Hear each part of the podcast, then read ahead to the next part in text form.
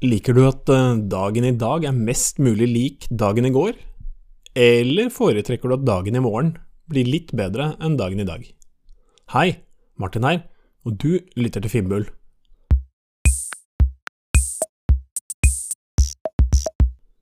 Som mennesker er vi alle forskjellige.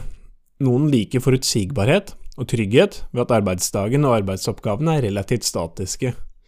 Det finnes mange yrker og bransjer som gir slik forutsigbarhet, og det finnes også mange grunner til å velge det. Bransjen vi jobber i, derimot, har liten grad av forutsigbarhet. Kanskje oppleves akkurat din jobb som forutsigbar, men teknologibransjen er i kontinuerlig utvikling en strøm av nye produkter og tjenester, noen mer vellykket enn andre. Denne stadige utviklingen fremprovoserer et kontinuerlig behov for forbedring. Konkurrentene dine blir bedre, kundene dine forventer mer, og dine ansatte ønsker personlig utvikling. Markedet forventer rett og slett mer av deg for hver dag som går. Mellom denne forventningen og ditt daglige arbeid er det et stort spenn. Som leder veksler du mellom de daglige operasjonelle oppgavene og det å ha et strategisk fokus. Bruker du for mye tid på de operasjonelle oppgavene, får du for lite tid til hvordan du skal videreutvikle bedriften strategisk. Og det er i dette strategiske arbeidet du finner arbeidet med kontinuerlig forbedring av bedriften for å møte de stadig mer krevende kravene fra markedet. Sitter du for dypt nede i daglige operasjonelle oppgaver som det å svare på mail og godkjenne fakturaer eller sitte i for mange videomøter, så blir det ikke tid til å utvikle bedriften til å gjøre den bedre. Slik kontinuerlig forbedring handler ikke først og fremst om prosess, det handler om kultur. Du og de du har rundt deg, må ha en kultur hvor man er enige om behovet for å bli stadig litt bedre. Folk må være enige i at morgendagen kan være litt annerledes enn i dag. Vi må kanskje jobbe litt annerledes, eller vi må forkaste det vi trodde var gyldig kunnskap til fordel for ny. Vi må være villige til å skrote våre egne antakelser og kanskje også produkter og tjenester vi allerede har i markedet.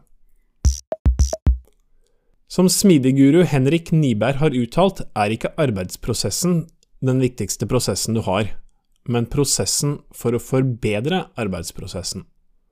Det vil si at arbeidsprosessen din kan være ganske håpløs, og det er helt greit, så lenge du har en prosess for å forbedre arbeidsprosessen din.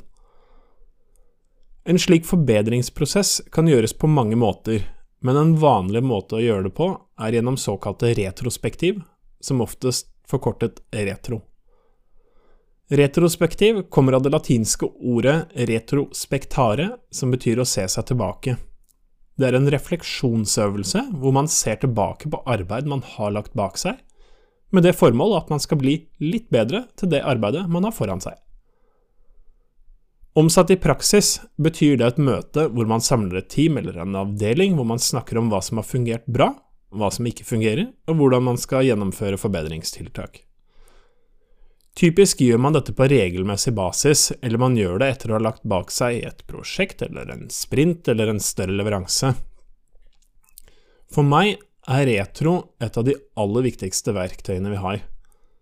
Det er som nevnt kontinuerlig forbedring som gjør oss bedre rustet for å møte nye og endrede krav i markedet, i tillegg til at vi får det fetere på jobb. Mindre hassle, mer hoff, som noen sier hos meg.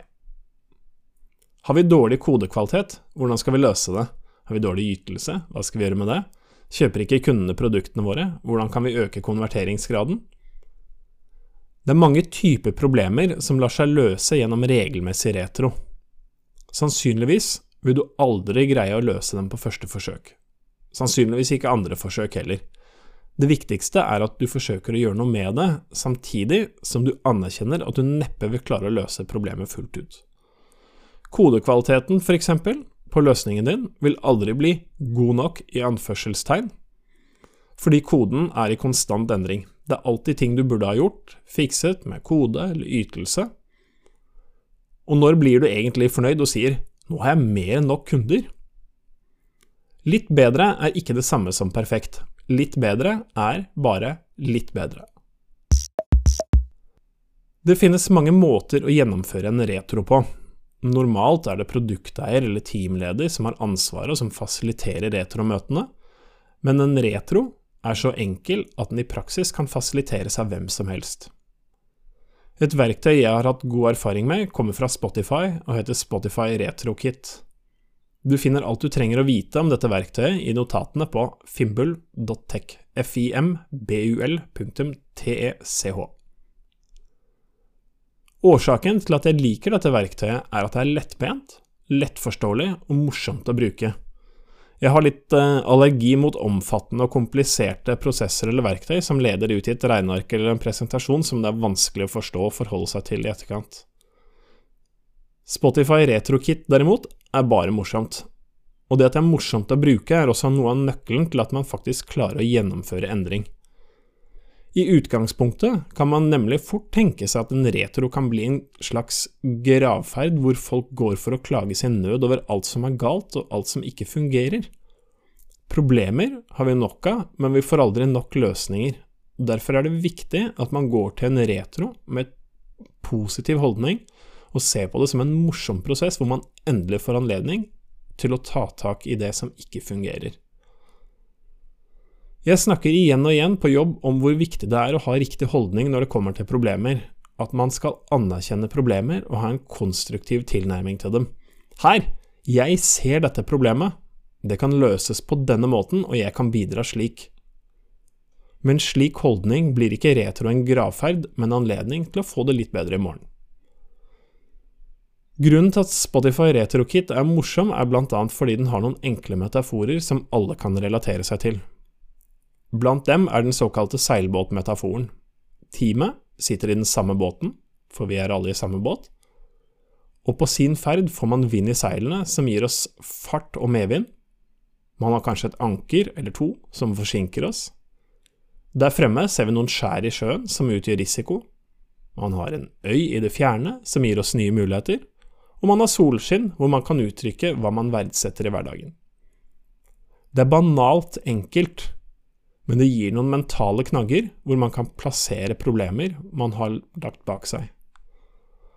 Jeg skal ikke gjennomgå hele Spotify RetroKit i seg selv, for det er mer omfattende enn hva jeg her forteller, og det er heller ikke poenget. Poenget er viktigheten av å ha en kultur og en prosess som hjelper deg med kontinuerlig forbedring. Litt bedre hver dag. Tusen takk for at du lytter til Finnbull. Vi høres.